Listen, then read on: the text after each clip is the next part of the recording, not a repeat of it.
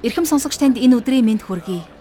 Библийн хуудасаар радио цаураар нэвтрүүлгийн маань өнөөдрийн шинэхэн дугаар эхэлж байна. Бид үргэлжлүүлэн Илч Паулийн Коринт чуулганд илгээсэн 1-р загтлаас суралцж байгаа. Өмнөх хичээлээр Бурхан биднийг өөртөөгөө адил санаа бодолтой байгаасаа гэж хүсдэг болохыг нь мөн бидний төлөөх түүний загалмай дээр байх нь чуулган доторх хагарал тэмцлийг үгүй хийж харин чуулганд ив нэгдэл нэг санааг бий болгодог талаар үзсэн. Мэдээж энэ бүхнээр дамжуулан чуулган дахь хорт хавдар болсон асуудлын шийдэл нь бидний ихэсэн Есүс Христ юм гэдгийг бид сурч мэдэж авсан. Та ч гэсэн шин мэдлэг итгэлийн амьдралдаа дэвшил сэргэлтийг авч байгаа гэдэгт итгэлтэй байна бид Христ рүү төвлөрч Христ дотор адил санаа бодолтой байх нь үнэхээр та биднийг даруй болгож Бурхны үгэнд дуулууртай амьдрахад туслах их үндэс маань болж өгдөг.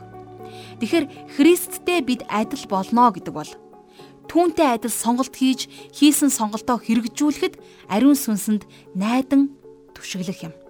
Нэгэнт та Бурхны хүү Есүс Христтэй адил болохоор чухал шийдвэрийг гаргасан бол цоо шин чиглэлд хөдлөх хэрэгтэй болно хуучин муу зуршлуудаа халж шин хэв маягийг өөртөө хөгжүүлж бодож сэтгэх хүртэл зориуд өөрчлөх хэрэгтэй. Харин таныг ингэж өөрчлөгдөхөд ариун сүнс гарцаагүй туслана гэдэгт итгээрэй. Библи бидэнд иймээс хайрт хүмүүс минь та нар үргэлж дуулууртай байсныхаа адил зөвхөн намайг байхад ч биш харин идүүгээ байхгүй байхад бүр ч илүү өөрсдийн авралыг айдас ба чичрлэр биелүүлэх тун. Учир нь өөрийн сайн тааллын дагуух зүйлсийг үйлдүүлж хөсөөлөхийн тулд та нарын дотор ажиллаж буйн бурхан юм а гэж бидэнд сануулсан байдаг. За харин өнөөдрийн хичээлээр бид Христийн загалмай юуг хувааж юуг нэгтгэдэг болохыг мөн бид Христ рүү ямар учраас төвлөрөх хэрэгтэй болохыг мэрэгэн ухаан болоод хүн төрлөختний найдварын талаар суралцах болно.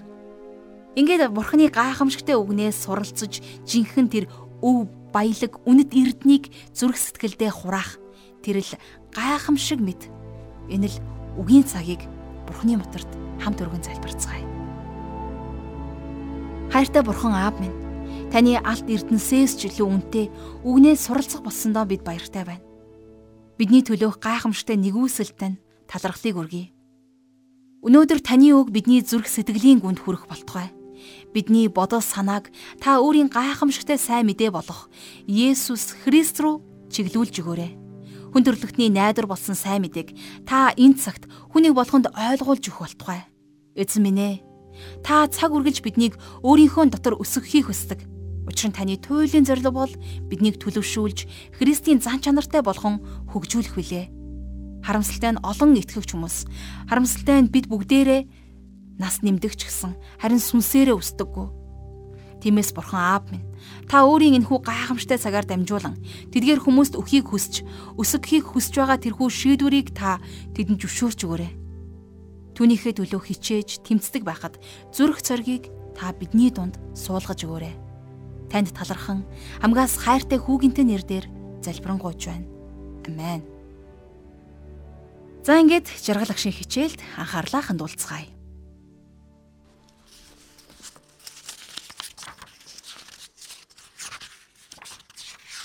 За өнөөдөр хамтдаа бид өмнөх хичээлийн үргэлжлэл болох 1-р Коринтын 1-р бүлгийн 13 дугаар ишлэлээс эхлэн суралцах болно.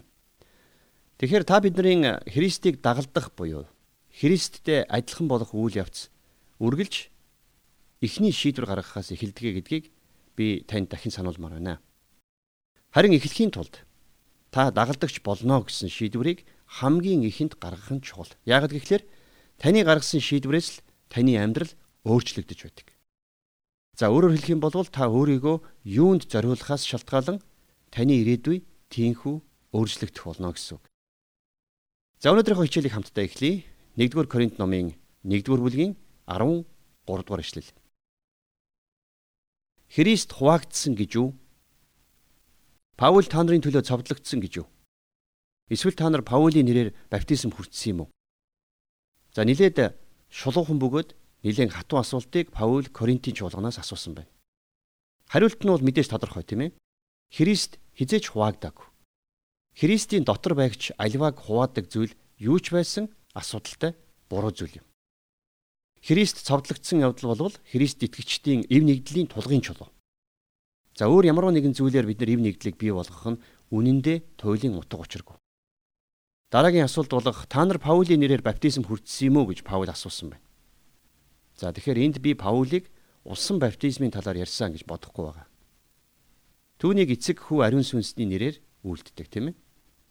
За тийм учраас тэр ариун сүнсний баптизмыг хийлж байна. Паулийн асуулт нь та нар Паулийн нэрээр баптизм хүртсэн юм уу гэсэн. А тэгвэл тэд нар мэдээж үгүй. Бид нар таны нэрээр баптизм хүртээгүй.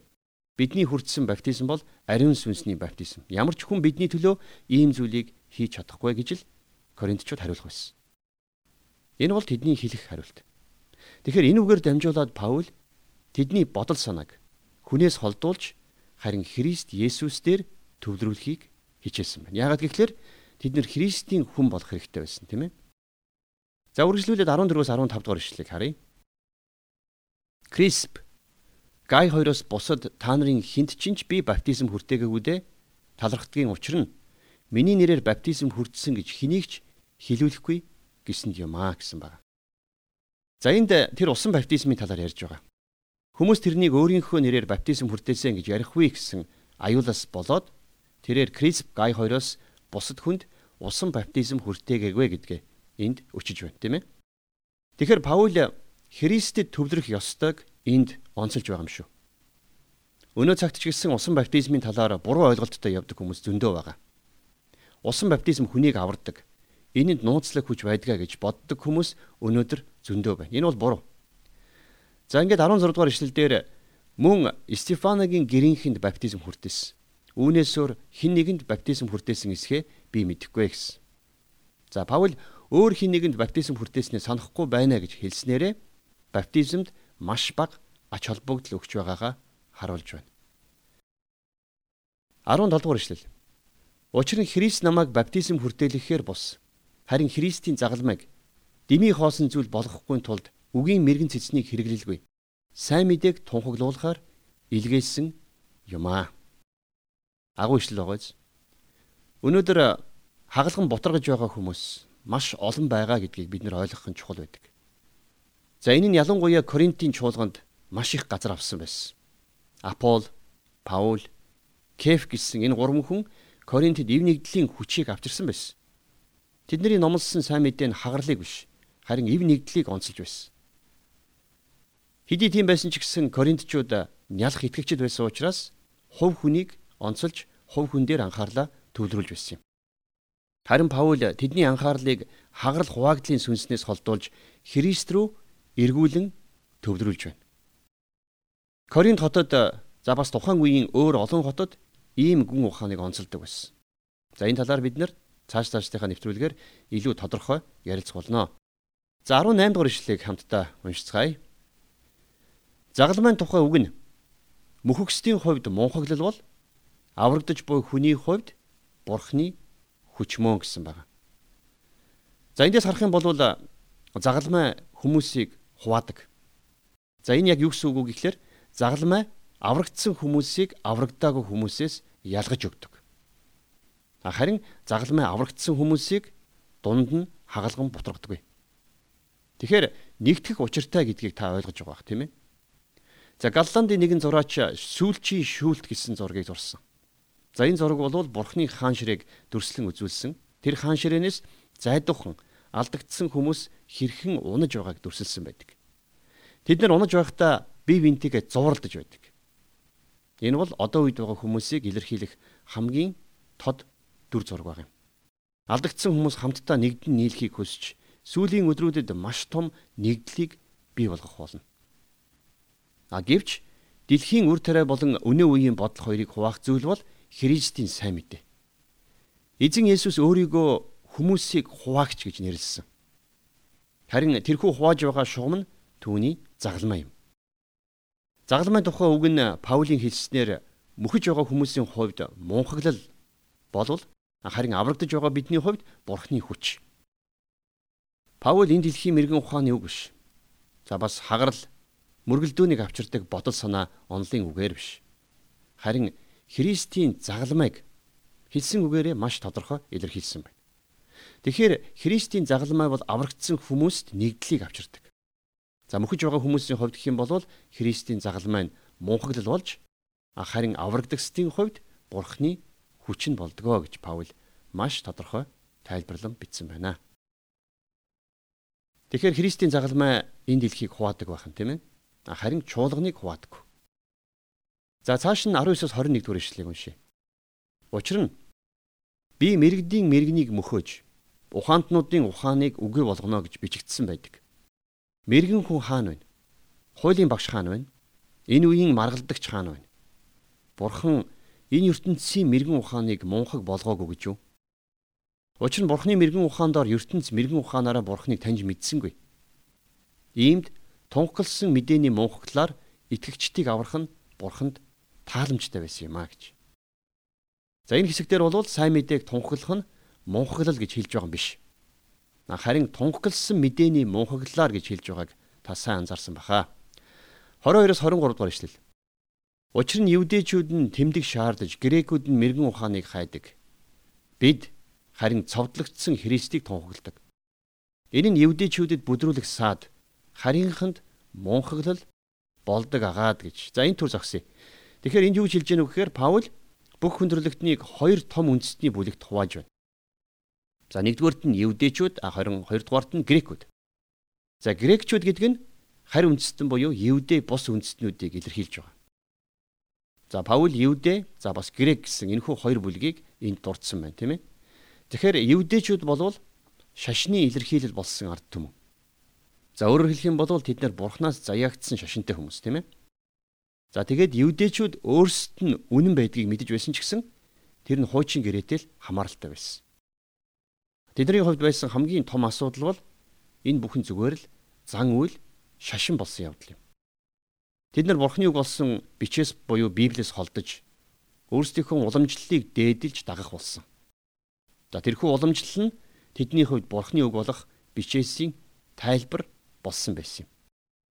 Иннээс болоод бурхны хүч тэднээс холдсон байсан.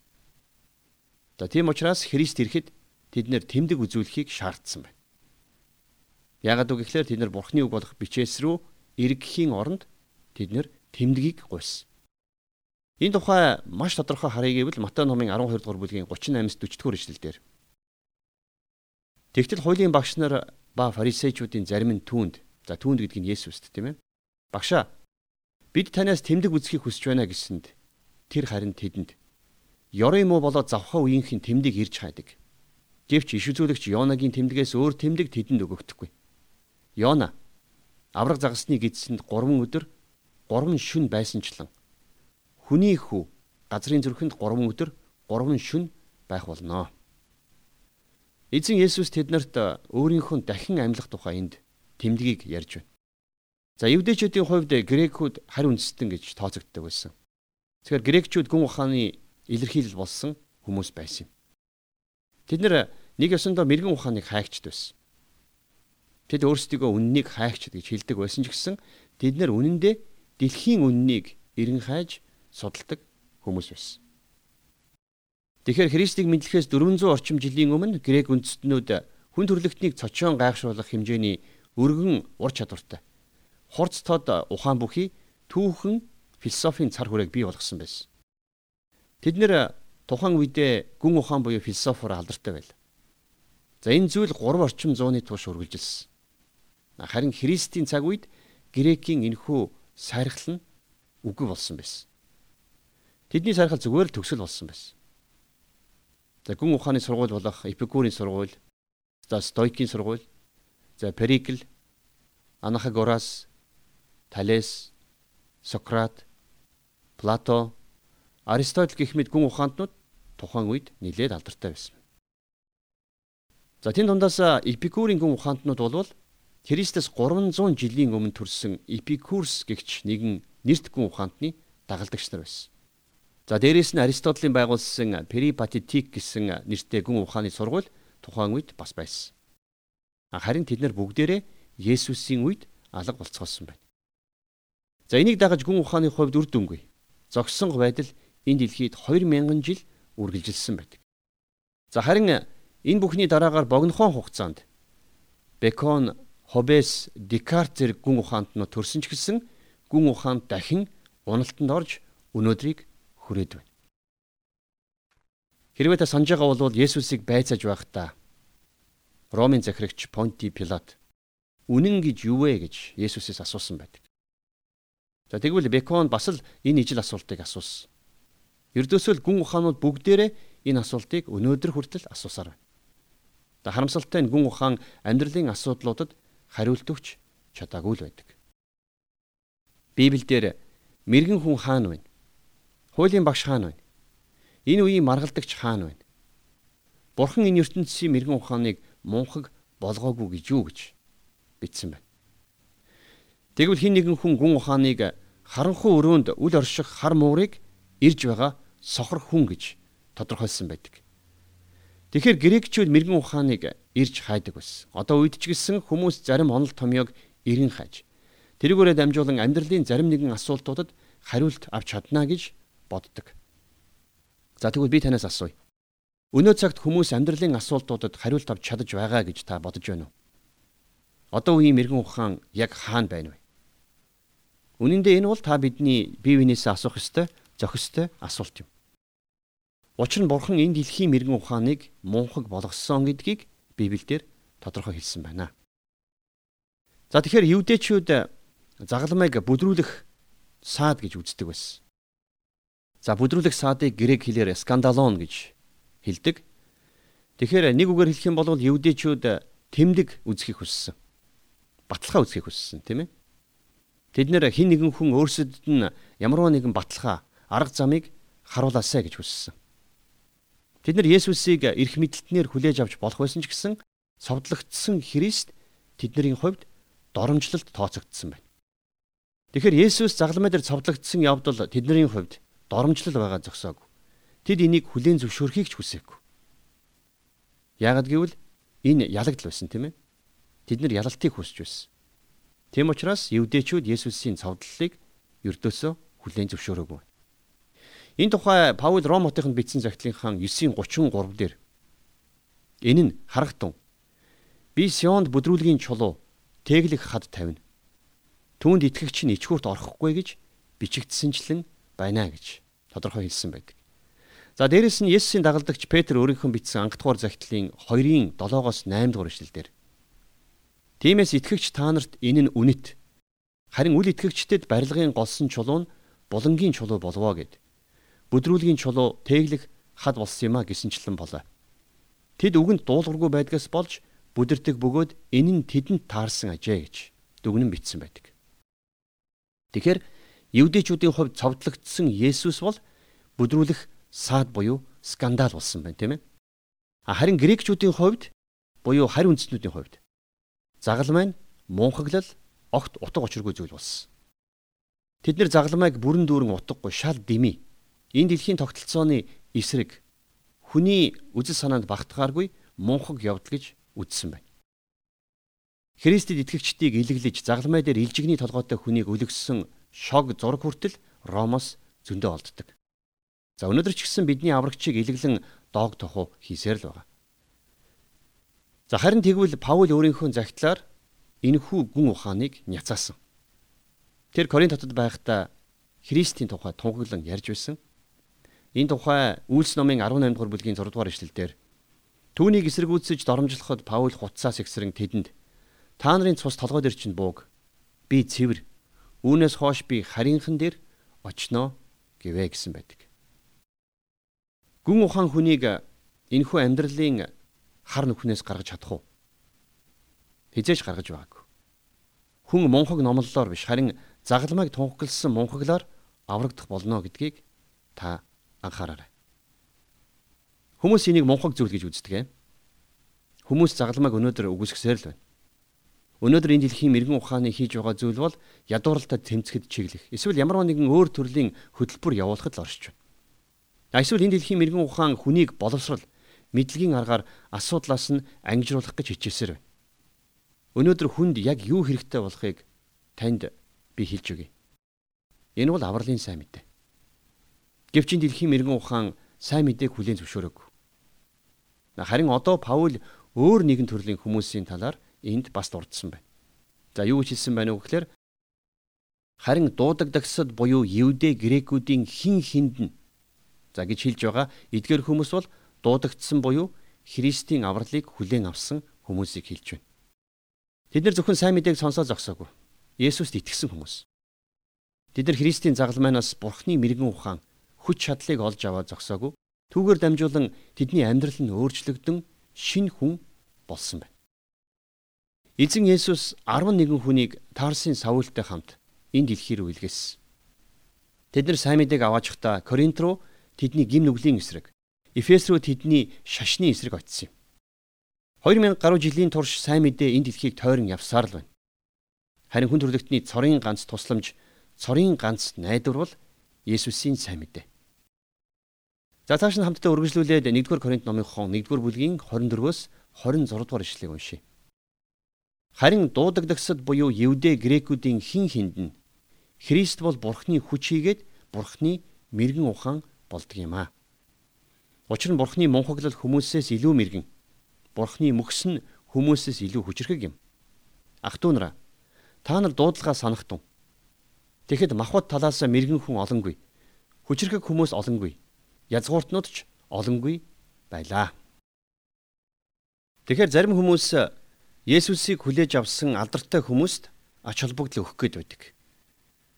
Харин Бурхан хүн болгонд яг адилхан ханддаг. Бурхан өнөөдөр та бид нар шиг энгийн хүмүүсийг дуудаж байгаа. За энэ талаар 27 дугаар ишлэлдэр харин Бурхан цэцдийг ичээхийн тулд ертөнцийн мунхгийг сонгож хүчтэй гिचээхийн тулд ертөнцийн мөхсийг сонгожээ гэсэн байна. Энэ ишлэлд эдгээр хүмүүсийг мунхаг гэж хэлээг. Харин эдгээр хүмүүс бол дэлхийн хүмүүсийн хувьд мунхаг хүмүүс гэсэн утга санааг илэрхийлж байгаа юм. Тэд нар сул дорой биш. Харин тэд нар дэлхийн үзэл бодол үнэлэлтээр сул дорой хүмүүс. Энийг бурхны сэтгэлгээгээр илэрхийлэн хэлсэн байна.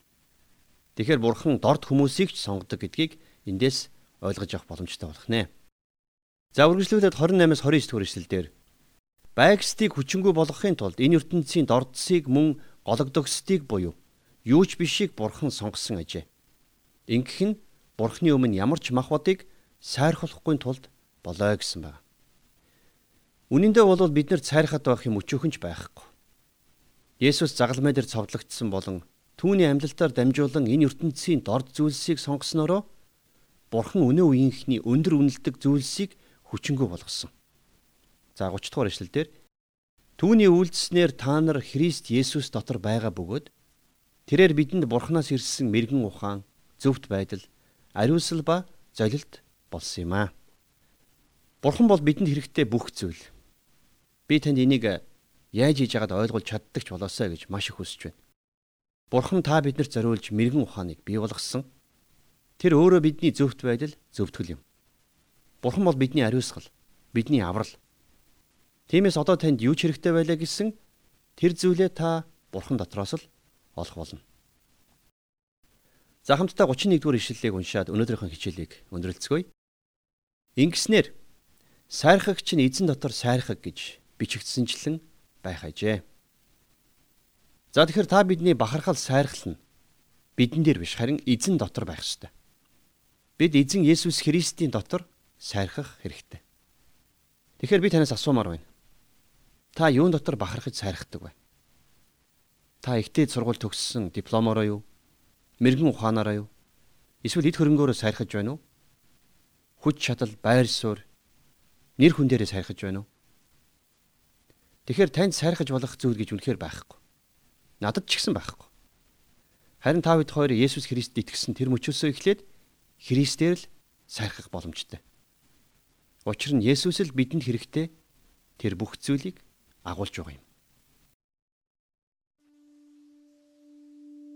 Тэгэхээр ямар ч сонголт мөнхийн үр дагавартай байдаг учраас бид маш ухаалаг сонголтыг хийх хэрэгтэй. Харин энэхүү сонголт бол Есүс Христийн дотор түүний мэрэгэн ухаанаар удирдуулсан байх нь чухал гэдгийг бид өнөөдрийн хичээлээсээ сурч авлаа. Ягаад тэгэхээр Есүс Христ бол бидний найдвар, бидний бодит тусламж юм. Есүс Христ хуваагдаагүй шиг Тэр ч бас итгэгчдийг хуваадаггүй. Харин тэр энэ дэлхийг хуваадаг болохыг бид хамтдаа сурч авлаа. Хамгийн гол нь итгэгч та Христэд төвлөрснөөрөө энэ хуваагдал хагарлыг үгүй хийх боломжтой. Учир нь загалмай бол итгэгч бидний ив нэгдэл юм. Энэ дэлхий эрт цагаасаа л олон янзын мэрэгэн ухааны талаар ярьсаар ирсэн. Одоо ч гэсэн мөн ялгаагүй ярьсаар л байна. Тэгэхээр бид бусдын нүдэнд мэрэгэн харагдах гэж хичээх биш. Харин Бурхны мэлмид мэрэгэн байх нь чухал юм. Бид өөрсдийгөө юунд зориулахаас шалтгаалж бидний ирээдүй үргэлж өөрчлөгдөж байдаг. Гаргасан шийдвэр бүр маань нэг бол биднийг хөгжүүлж үгүй бол биднийг доройтуулж унагадаг. Үнэн дээр маш олон хүн өнөөдөр өөрснийх нь амьдралд хандсан бурхны зориг төлөвлөгөөг хайхралгүй алдсаар байдаг. Яагаад гэвэл тэд амьдралаа альва зүйлд зориулахаас айж цаг хугацааг дэмий өнгөрөөдөг. Ихэнх маань баян чинэлэг болох эсвэл нэр алдартай нэгэн болохыг хичээж ертөнцийн зориултуудад тэрэл зорилтуудаа амьдралаа зориулдаг учраас эцсийн дүндээ урам нь хугарч гунигтай байдалд хүрсэн жишээнүүд дэндүү олон байдаг. Тэгэхээр бид энэ дэлхийн сайрахдаг зүйлээр биш ээ. Харин Есүс Христээр түүн дотор сайрах нь хичнээн чухал болохыг өнөөдөр сурч авсандаа үнэхээр их баяртай байна. Танд мөн энэ их баяр хөөрийн мэдрэмж зүрхнээс тань оргилсон гэдэгт итгэлтэй байна. Ингээд өнөөдөр өвлөж авсан тэрл гайхамшигтай өгийнхээ төлөө бурханд талархан залбирцгаая. Гайхамшигтай бурхан аав минь таньда үнэхээр баярлалаа. Та биднийг Есүс Христ дотор нэгтгэж өгсөнд талархаж байна. Мөн ямар ч үед Христ рүү хараагаад чиглүүлж түүнд төвлөрөх ёстойг ойлгуулж өгсөнд баярлалаа бусдын нүдэнд мунхаг мэт харагдах байсан ч гэсэн харин бурхан таны сайн мэдээ болох Есүс Христэд итгэх нь ямар гайхамшигтай ивэл нэгүсэл болохыг ойлгуулж өгсөнд баярлалаа аваа. Энэ дэлхийн цорын ганц найдвар болсон Есүс Христийг бидэнд илгээсэнд баярлалаа аваа. Бүхий л амьдралынхаа туршид энэ дэлхийн зүйлсээр биш харин Есүс Христээр сайрхаж амьдрах итгэлийг та бидэнд дүүргэж өгөөрэй. Энэ дэлхийн хүмүүст эд баялаг нэр алдар бол амьдралынх нь жинхэнэ утга учир биш. Харин эзэн минь ээ та энэ бүхэн байдаг гэдгийг ойлгож сайн мэдээгээ та тэдгээр хүмүүст хүргэж өгөөрэй. Аваа бүхий л зүйлсийг бид найдвартайгаар бид итгэлтэйгээр бид гуйлт залбиралтайгаар таны мотор даатгаж Есүс Христийн нэрээр залбирanгуйж байна. Амен.